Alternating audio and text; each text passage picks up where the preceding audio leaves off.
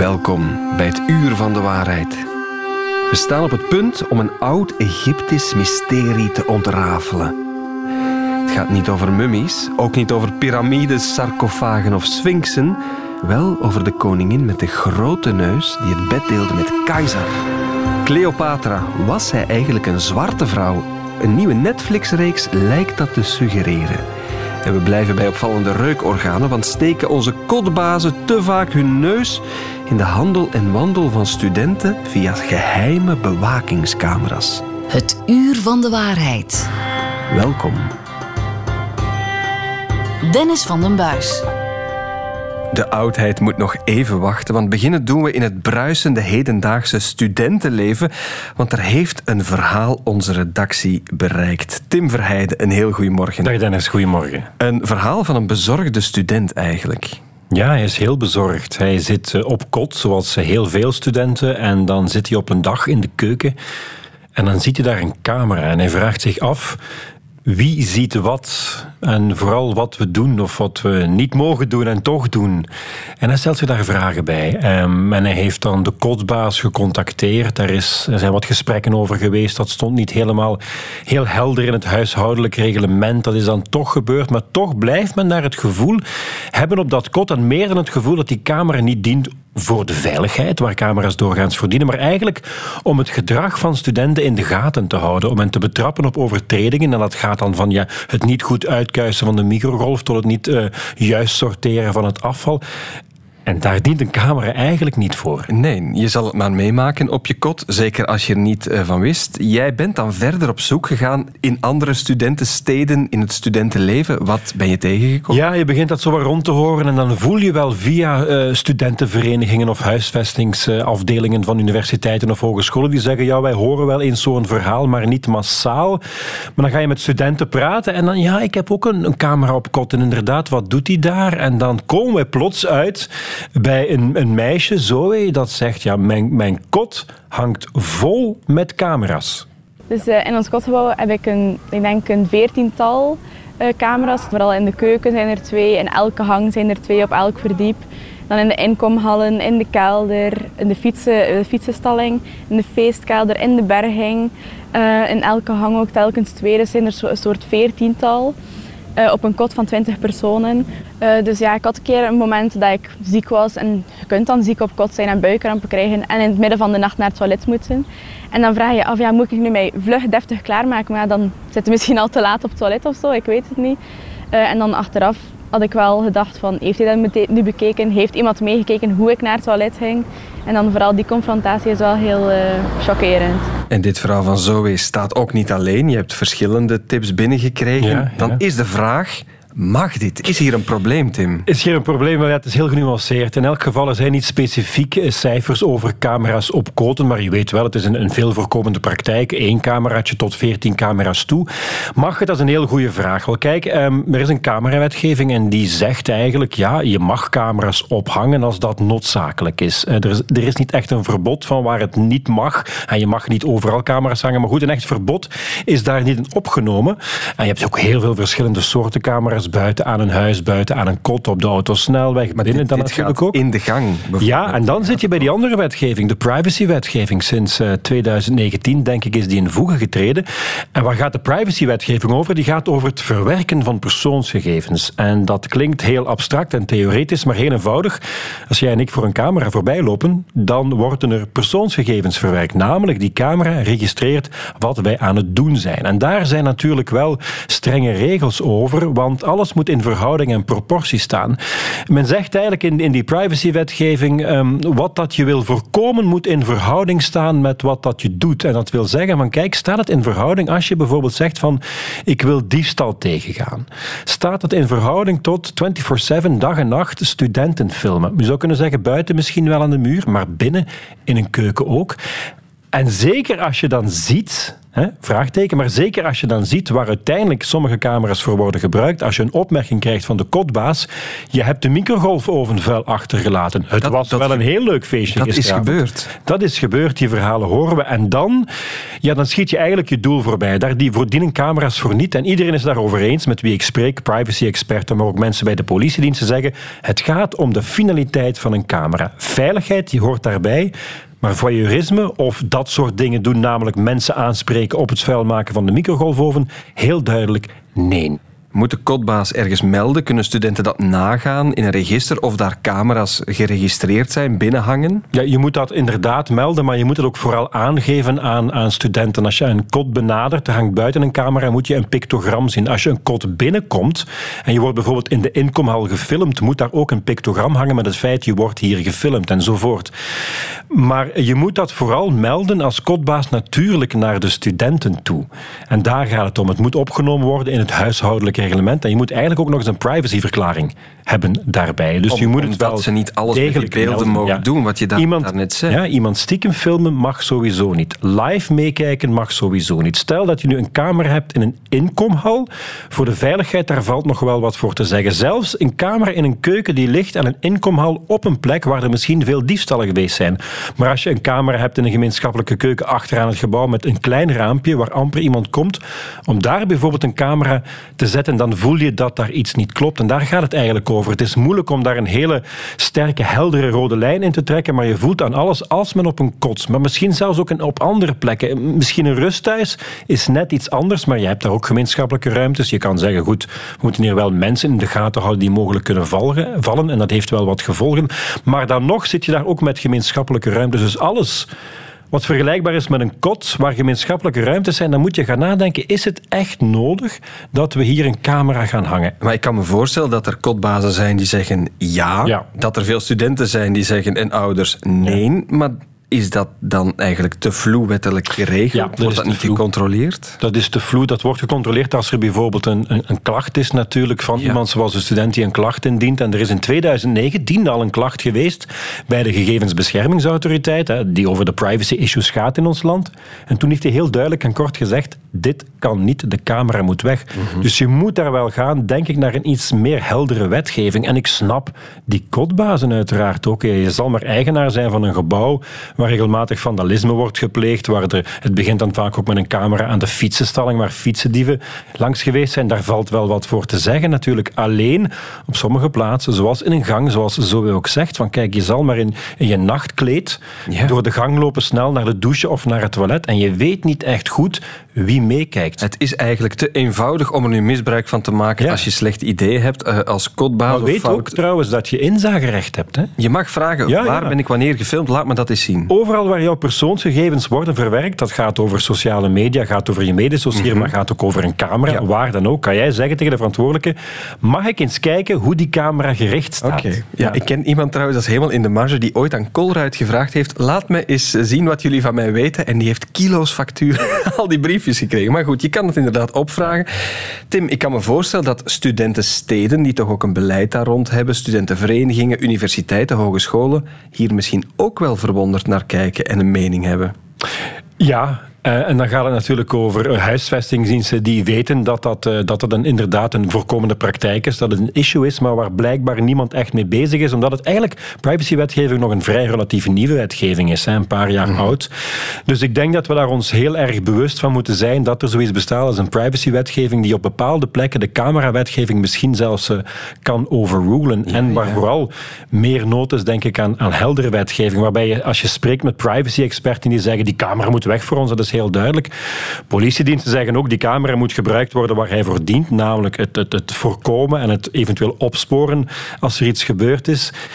Wat ik natuurlijk begrijp vanuit het standpunt van politiediensten, dat die zeggen, eh, een camera kan wel handig zijn om, het, om, het, ja, om daders te gaan op te sporen van een misdrijf natuurlijk. Maar ik denk dat, en daarom opnieuw, het moet echt geval per geval bekeken worden, maar ik denk gewoon dat er een hele hoge nood is zeker in deze tijden op privacyvlak aan wat kan en wat niet kan en welke wetgeving dan elkaar gaat overrulen. En dat is eigenlijk in de praktijk helemaal niet zo eenvoudig. Nee, die voorzet naar het beleid hebben we nu gegeven. Het is weer de tijd van het jaar dat eh, studenten beginnen na te denken over een nieuw kot of voor het eerst naar een kot op zoek gaan met pa en ma. Heb je tips voor iedereen die nu een nieuw studenten kotcontract moet aangaan?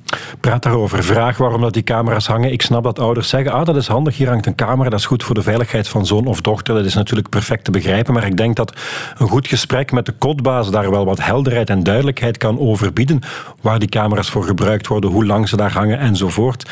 En maar je, je mag... wat als je nu een kot wil en er hangen camera's op een plek waarvan je weet, dit mag toekoor niet. Je kan stappen ondernemen. Ik denk dat alles begint met een, met een goed gesprek en dat je duidelijkheid en helderheid moet vragen en dat gewoon bepaalde regels, zoals maak de microgolfoven niet vuil, ook op een andere manier hopelijk kunnen afgedwongen worden. Maar je kan, je kan daar stappen voor ondernemen natuurlijk. hè. Mhm. Je kan ook kiezen om, eh, om geen kot daar te nemen, maar je moet ook weten, het is heel krap op de, ja, ja. de, kotten, op de kotenmarkt. Hè. Wat de kotbaas weer machtig Ja, tuurlijk, want je, gaat, kan zeggen, ik ga weg, hier hangen te veel camera's, maar goed, dan vind je misschien geen kot of je je vindt een veel duurder kot. Dus dit is allemaal, ja, het is heel moeilijk in de praktijk. Maar als het op de privacy neerkomt, heb je een aantal rechten. En dat is onder meer vragen, wat doet die camera daar? Wie zit erachter? Hoe lang worden die beelden bijgehouden? Waarvoor dient dat ding? Oké, en daarmee is opnieuw die voorzet gegeven. Schep duidelijkheid in toch wat een iets te grijze zone is nu. Collega Tim Verheijden, dankjewel. Graag gedaan. Het uur van de waarheid. Binnenkort verschijnt er op Netflix een nieuw programma over Queen Cleopatra. Want, wordt daarin beweerd, Cleopatra die wij kennen uit de oudheid als de geliefde van Julius Caesar, de vrouw met haar opmerkelijke neus die baden in ezelinnenmelk, dat die Cleopatra een zwarte huid zou hebben. There is no Rome without Egypt. I remember my grandmother saying to me, I don't care what they tell you in school, Cleopatra was black. She has become an icon. I am a god, queen of kings. Her story resonates with every woman. Maar klopt dat wel? Was Cleopatra effectief iemand met een donkerdere huidskleur dan we nu denken dat ze was? Wat is feit, wat is fictie? We gaan erover spreken met klassicus, met uh, oudheidkundige en historicus aan de KU Leuven, dokter in de oudheid, Herbert Verret. Herbert, goedemorgen. Goedemorgen. Ja, jij geeft lezingen over wat er in films en series allemaal opduikt over de oudheid en of dat klopt. Jij bent dus hopelijk de geschikte man. Was Cleopatra een koningin met een zwarte huidskleur? Absoluut niet, in geen enkel opzicht. En hoe weet je dat zo zeker? Omdat we haar stamboom kennen, uh, eh, 300 jaar terug, die helemaal teruggaat tot uh, Grieks-Macedonië, dus het gebied ten noorden, uh, in het noorden van het huidige Griekenland. Haar stamvader was Ptolemaios, zoon van Lagos. Die heeft 15 na 15 opvolgers gehad die allemaal Ptolemaios heten, die allemaal Grieks-Macedonisch waren. In het geval van Cleopatra is er één onduidelijkheid. We weten niet wie haar moeder was. Maar vermits er in de rest van de familie, al die generaties, altijd binnen dezelfde sociale kringen getrouwd werd, is er geen enkele reden om aan te nemen dat haar moeder opeens uh, een zwarte vrouw zou zijn. Ja, zou dat überhaupt niet kunnen? Waren er toen in Egypte geen zwarte mensen? Uh, die waren er, maar het uh, liep niet over. De, enfin, het is moeilijk om dingen te, te kwantificeren in dat aspect. Mhm. Maar het zuiden van Egypte, vanaf Aswan, en dat is de belangrijke stad in het zuiden waar je naartoe gaat als je naar Abu Simbel wilt gaan, en dat hele gebied tot Abu Simbel en verder door tot het noorden van uh, Soudaan, was een regio die in de oudheid Ethiopië genoemd werd. Heeft niks te maken, of maar indirect, met het huidige land Ethiopië, dat duizend kilometer zuidelijker uh, ligt. Dat heeft zijn naam gekregen naar die antieke regio. Maar in dat noordelijke gebied van Ethiopië had je een mengeling van zwarte stammen, maar ook van Egyptenaren die daar uh, woonden. En in uh, de Egyptische bronnen worden de zwarte inwoners dan gewoon Nehes uh, genoemd. In het Egyptisch, in het Grieks, de Griekse bronnen van die periode, zien we het onderscheid niet goed. Dus het is heel moeilijk als we in de Ptolemaïsche tijd, en dan zitten we uh, derde, eerste eeuw voor Christus, of in de Romeinse tijd, als iemand Ethiopiër heet, of hij ook effectief zwart is, dan wel een van die Egyptenaren die uit datzelfde uh, gebied komt. Okay. We hebben lijsten van slaven en dergelijke, of alle mogelijke andere individuen. Hun identificatie gebeurde in de officiële documenten aan de hand van littekens, een litteken boven het rechteroog en dat soort zaken. Maar dan ook omschrijvingen als een honingkleurige huid, een iets donkerdere huid. Maar maar daar bij al die beschrijvingen ken ik er geen enkele waarbij ze effectief een beschrijving geven die zou kunnen overeenkomen met een zwarte Afrikaan. En dus is het heel onwaarschijnlijk dat Cleopatra dan die ene zou zijn, dan helemaal nog eens aan de top van, dat, uh, van die samenleving Inderdaad, die zwart zou dat zijn. is heel onwaarschijnlijk. Nu, je kan zeggen, er is heel veel dichterlijke vrijheid in de reeksen. Mensen van kleur moeten meer kansen krijgen. Um, maar dit gaat een beetje verder, want er is blijkbaar ook echt een theorie die al, al veel langer dan het hedendaagse debat rondgaat. Black Athena is een boek of een werk dat daar een belangrijke rol in speelt. Hè? Ja, dat gaat terug naar 1989 al. Martin Bernal, die uh, een boek geschreven heeft waarvan de vertaalde titel is van de Afro-Aziatische herkomst van de klassieke beschaving.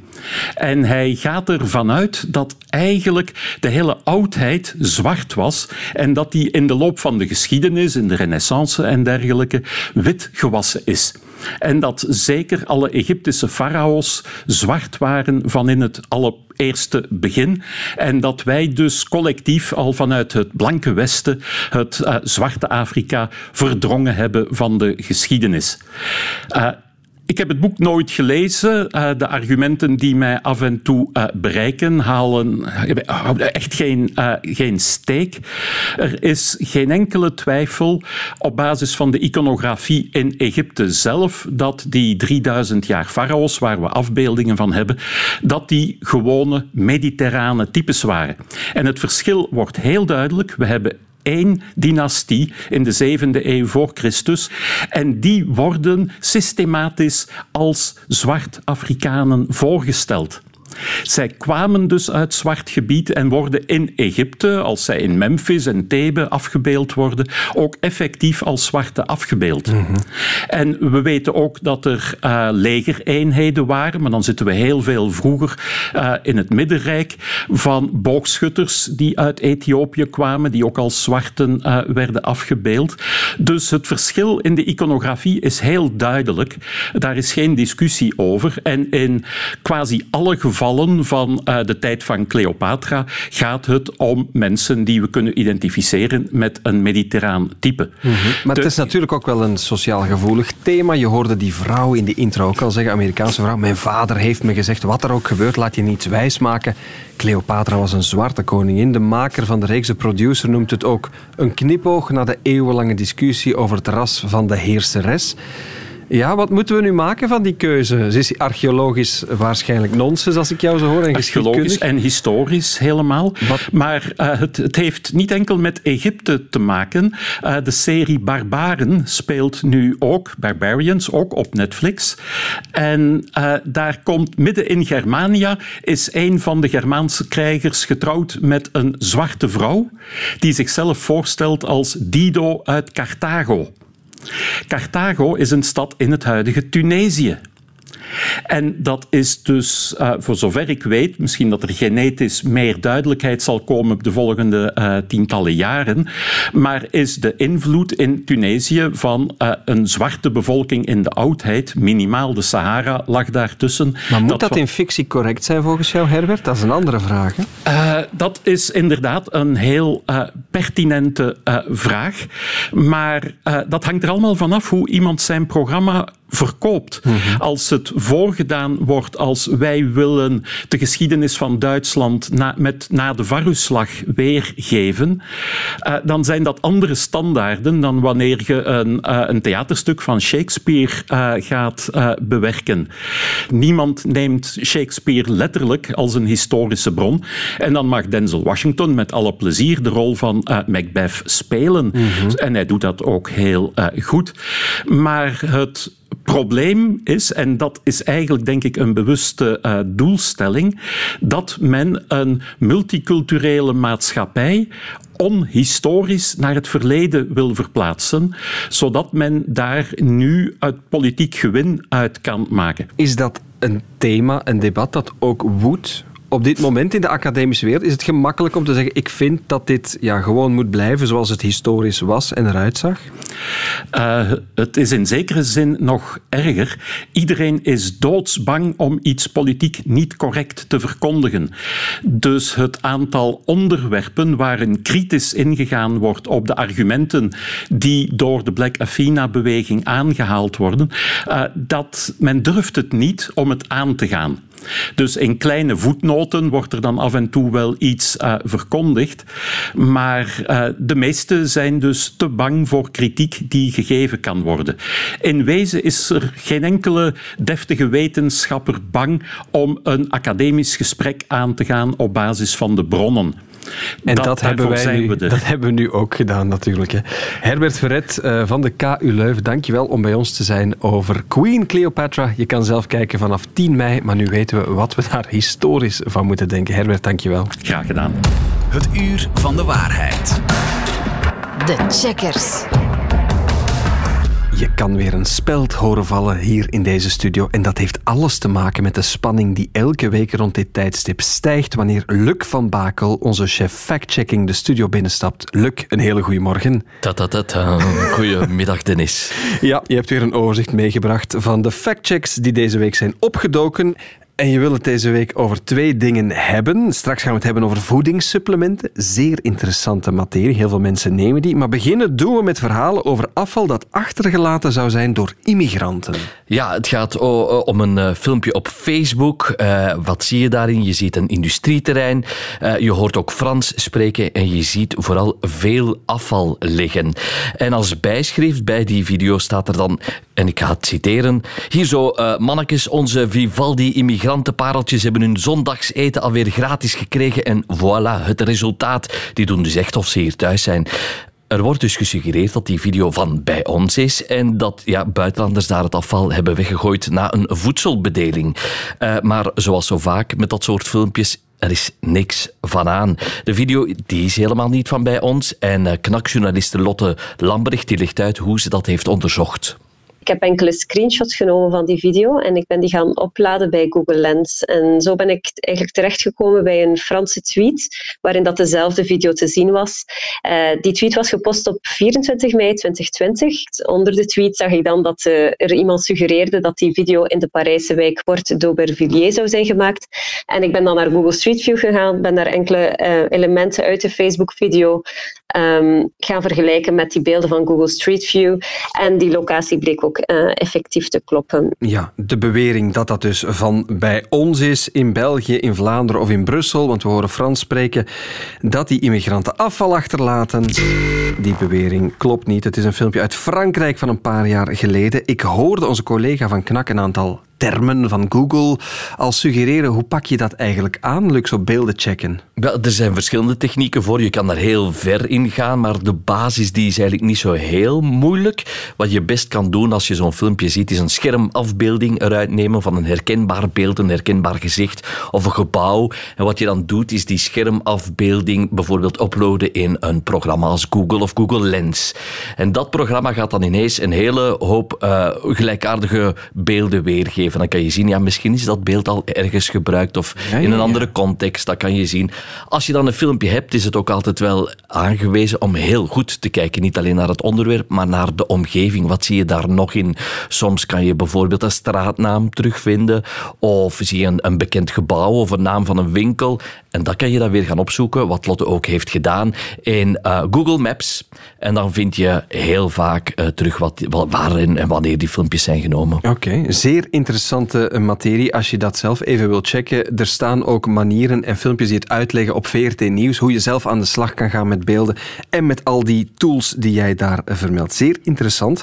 We gaan het hebben over die voedingssupplementen, want ja, look bekend en berucht bij liefhebbers van de betere kus. Look zou helpen om je cholesterol te verlagen, heb ik ergens gezien en gelezen. Ja, dat staat op een, een gezondheidswebsite. Look zou kunnen helpen om het uh, cholesterolgehalte in je bloed naar beneden te doen. Mm -hmm. Naast uh, middelen zoals kurkuma of visolie of allerlei natuurlijke producten. Maar ja, klopt dat ook? Dat hebben we uh, voorgelegd aan voedingsdeskundige en factchecker bij Gezondheid en Wetenschap, Patrick Mully.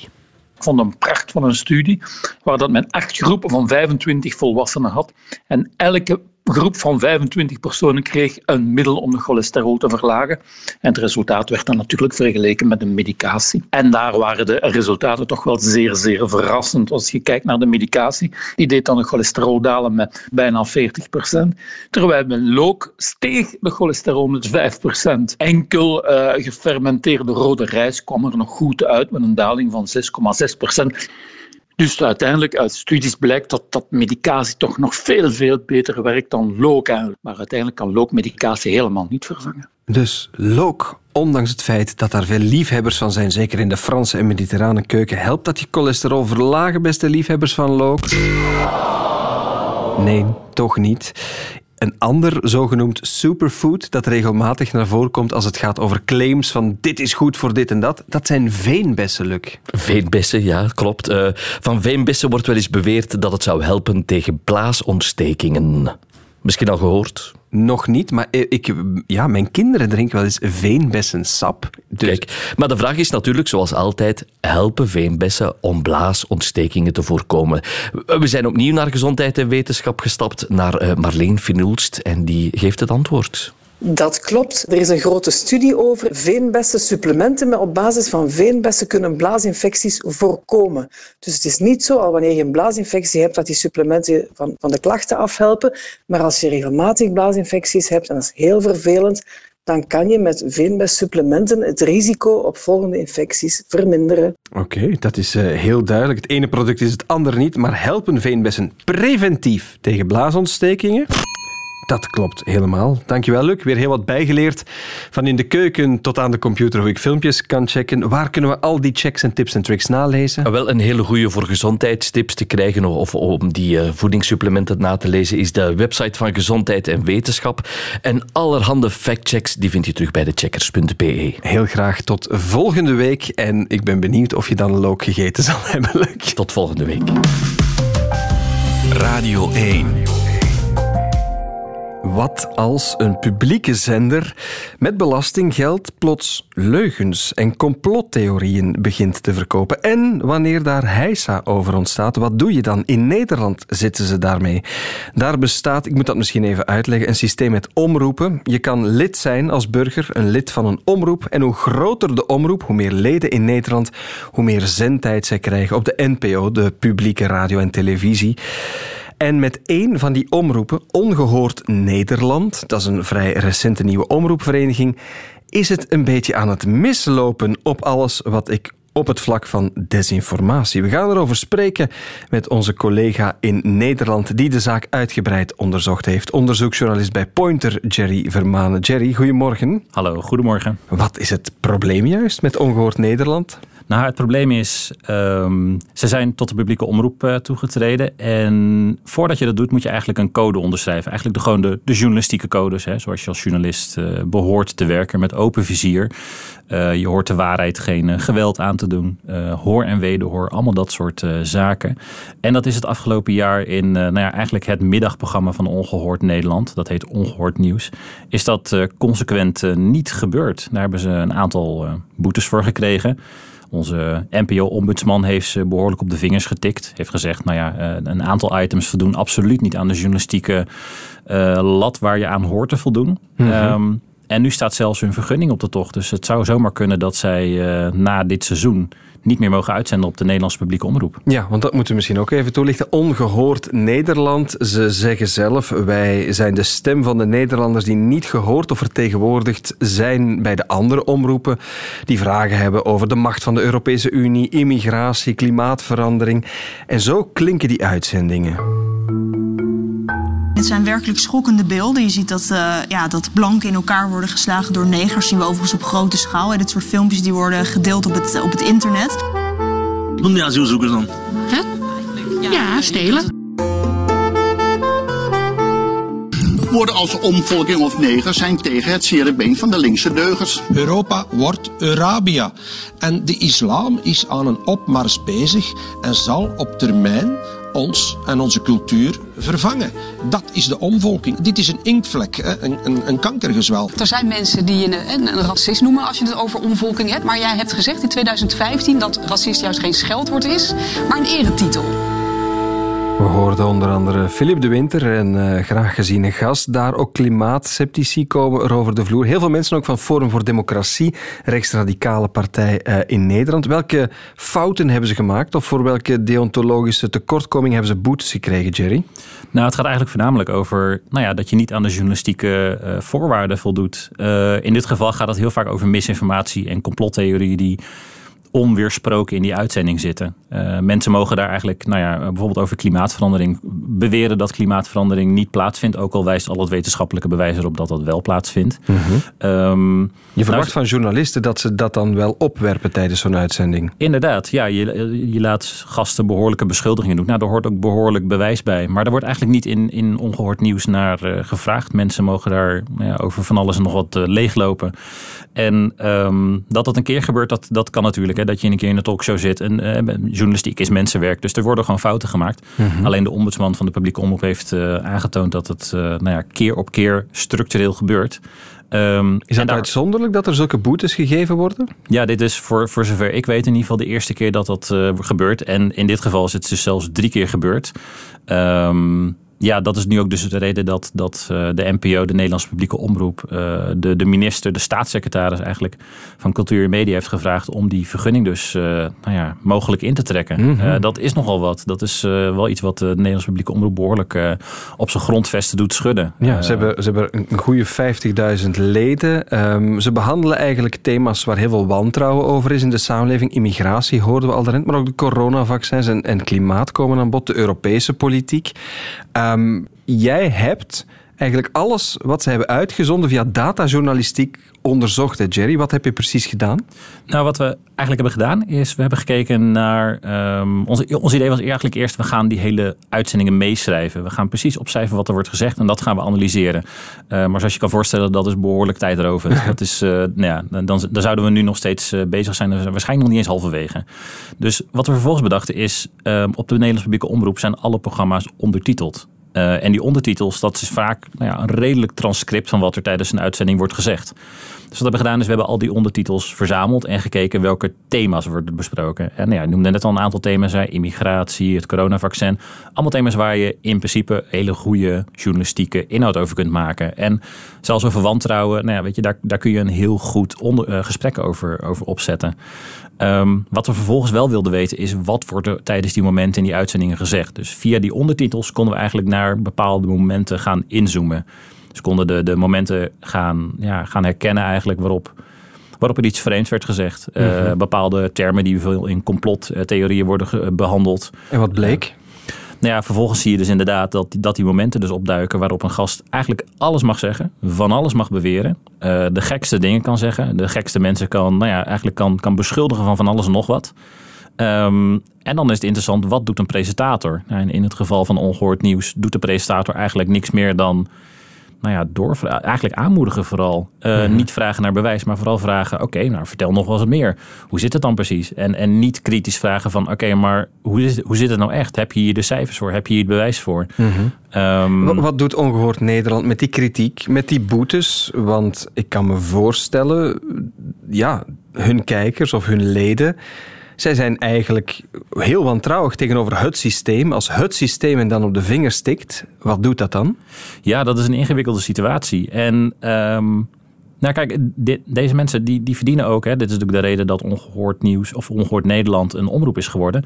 Dit is wel een doelgroep die nog niet door de Nederlandse publieke uh, omroep wordt bediend. Dus, uh, maar ook zij hebben recht op kloppende informatie. En daar wringt het me nou net. Mm -hmm. Want die omroepen, dat is een systeem dat wij niet kennen. Die zijn eigenlijk vanuit uh, vaak vroeger de verzuiling gestart, zeg maar. Ook heel veel christelijke ja. omroep waar jij voor werkt. Ja. De Pointerboot tot Cairo en CRV. Ja. Jullie hebben christelijke roots, katholieke roots. Je hebt ook de EO, de evangelische omroep. Een aantal jaren geleden zei de directeur onomwonden daar... ik geloof in het creationisme. Um, waar is de grens ideologie en deontologie bij de Nederlandse omroepen toekoer? Ja, dat is een hele goede vraag. En dat is ook iets wat nou ja, elke omroep die in het bestel zit in Nederland, die, die mag wel een levenswijze uitoefenen. Dus dat mag ook in de programma's terugkomen. Um, met journalistiek wordt het natuurlijk altijd iets ingewikkelder, maar daarvoor heb je juist de journalistieke codes. Dus, die uh, staan boven het manifest van de omroep, zeg je? Exact, ja. En als het goed is zitten binnen een omroep heb je ook een redactiestatuut. Waarin dus eigenlijk die scheiding tussen wat je journalistiek maakt en wat je als, als omroepvereniging, wat je als -hmm. directie uh, nou ja, kunt uh, opleggen. Dus het, het kan niet zomaar zijn dat wij zeggen van nou we gaan niet bepaalde onderwerpen doen. Of dat een directeur zegt van jullie moeten een bepaald iets uh, gaan doen. Jij bent nog nooit omwille van iets wat niet ook met de Bijbel op het matje geroepen door KRO en CRV? nee, gelukkig niet. En, en mocht dat ook gebeuren, nou, dan zal dat ook een behoorlijke rel opleveren. Hmm. Eerst natuurlijk intern. we hebben een goed redactiestatuut sinds een tijdje. Um, maar ja, zeker ook mocht dat verder dooretteren. Ja, dat, dat zal zeker naar buiten komen. Absoluut. Ja, ja. ja. En, en als ik dat nu hoor en ik ben bij wijze van spreken de eigenaar van Ongehoord Nederland, is het dan een oplossing om mijn inhoud niet als nieuwsprogramma te verkopen, maar toch hetzelfde te doen? Ja, dat, dat kun je doen. Hè. Je kan op een gegeven moment zeggen, nou ja, dan is het geen nieuwsprogramma, maar een opinieprogramma. Dat is ook exact wat ze eigenlijk bij Ongehoord Nieuws uh, hebben gedaan. Dus eigenlijk is het programma exact hetzelfde gebleven, alleen de aankondiging is veranderd. Ja, dat je de aankondiging verandert, betekent niet ineens dat je niet meer aan journalistieke codes hoeft te mm -hmm. voldoen. Daarnaast natuurlijk als elke maker, hè, of je nou wel of niet een, een bepaalde wereldbeschouwing in je, in je programma's uh, verwerkt. Um, het moet niet zo zijn dat je aantoonbaar foute informatie in je programma's gaat verwerken. Mm. En, en dat is ook iets wat, nou ja, dat geldt niet alleen voor de keiharde journalistieke producties, maar eigenlijk voor elk uh, programma. Als je ja. weet dat je de waarheid geweld aan doet, dan ja, dan doe je je werk ook niet goed. En dat is wel iets wat bij ongehoord uh, nieuws, ongehoord Nederland uh, regelmatig plaatsvindt. Dat zeg jij nu, Jerry, als datajournalist. Je hebt dan ook de staatssecretaris die dat ook vindt. Maar wat vindt de Nederlander over wat er nu gebeurt? Nou ja, het, het is wel een interessante discussie. Er zijn dus minstens 50.000 leden die, van Ongehoord Nederland um, die het daar waarschijnlijk niet mee eens zijn. En dat maakt het natuurlijk ook heel ingewikkeld. Hè? Stel je voor dat die omroep straks niet meer uh, op tv mag uitzenden. Dan heb je wel 50.000 mensen die ineens niet meer bediend worden. Hoe ga je dat doen? Mm -hmm. uh, dat, dat is, ja, ik vind het zelf eerlijk gezegd ook wel een hele ingewikkelde situatie hoor. Want het, ook die mensen hebben natuurlijk gewoon recht op informatie die klopt. Maar ze voelen zich ook niet aangesproken door, door de andere twaalf uh, omroepen die nu bij de publieke bestel zitten. Dus, ja, ja, ja. Hoe zie je um, dit uh, evolueren? Wanneer zal de beslissing vallen in de politiek in Nederland? Of, of gaat er iets veranderen? Nou ja, dat, dat is nog een beetje in het ongewisse. Uh, het is nog even afwachten hoe lang die beslissing op zich laat wachten. Sowieso zal het niet per direct van tv worden gehaald. om Ongehoord Nederland mag ook nog bezwaar aantekenen tegen En, en zou dat dus... erg zijn? Kunnen ze komen van een online platform? Hè? Nou ja, ik, kijk, als een omroep um, beterschap gaat beloven en ineens iets totaal anders gaat doen, dan moet het bij Ongehoord Nederland wel ineens wel radicaal anders uh, uh, gaan. Uh, ja, waarom niet? alleen, ja, ze hebben nu al drie boetes gekregen. drie kansen eigenlijk om het te verbeteren. Ze hebben ook een rectificatiepagina op de site gepubliceerd waar eigenlijk niet zo erg veel hele harde rectificaties staan. Dus ja, het is wel de vraag of ze daadwerkelijk uh, hun, hun leven gaan beteren. Mm -hmm. ik, mijn, eerlijke, mijn persoonlijke inschatting is dat, dat het waarschijnlijk niet gaat gebeuren. Je ziet ze nu al redelijk voor sorteren op, uh, nou ja, dat ze waarschijnlijk van de tv af worden gehaald en mogelijk dus op andere platforms uh, verder gaan. Um, Wordt vervolgd. Ja. Ongehoord Nederland, we hebben het verhaal nu toch gehoord. En hoe het zal aflopen, dat zullen we dan zien. Jerry Vermanen, datajournalist bij Pointer in Nederland. Dankjewel om bij ons te zijn. Graag gedaan. En daarmee zit deze podcast van het Uur van de Waarheid er weer helemaal op. Een co-productie van VRT Nieuws en Radio 1 over desinformatie, complotten en misleiding. Wil je meer van deze verhalen ontdekken? Dat kan in onze app VRT Max. Ga daar naartoe en daar kan je alle vorige afleveringen van het Uur van de Waarheid herbeluisteren. Heel graag tot een volgende keer.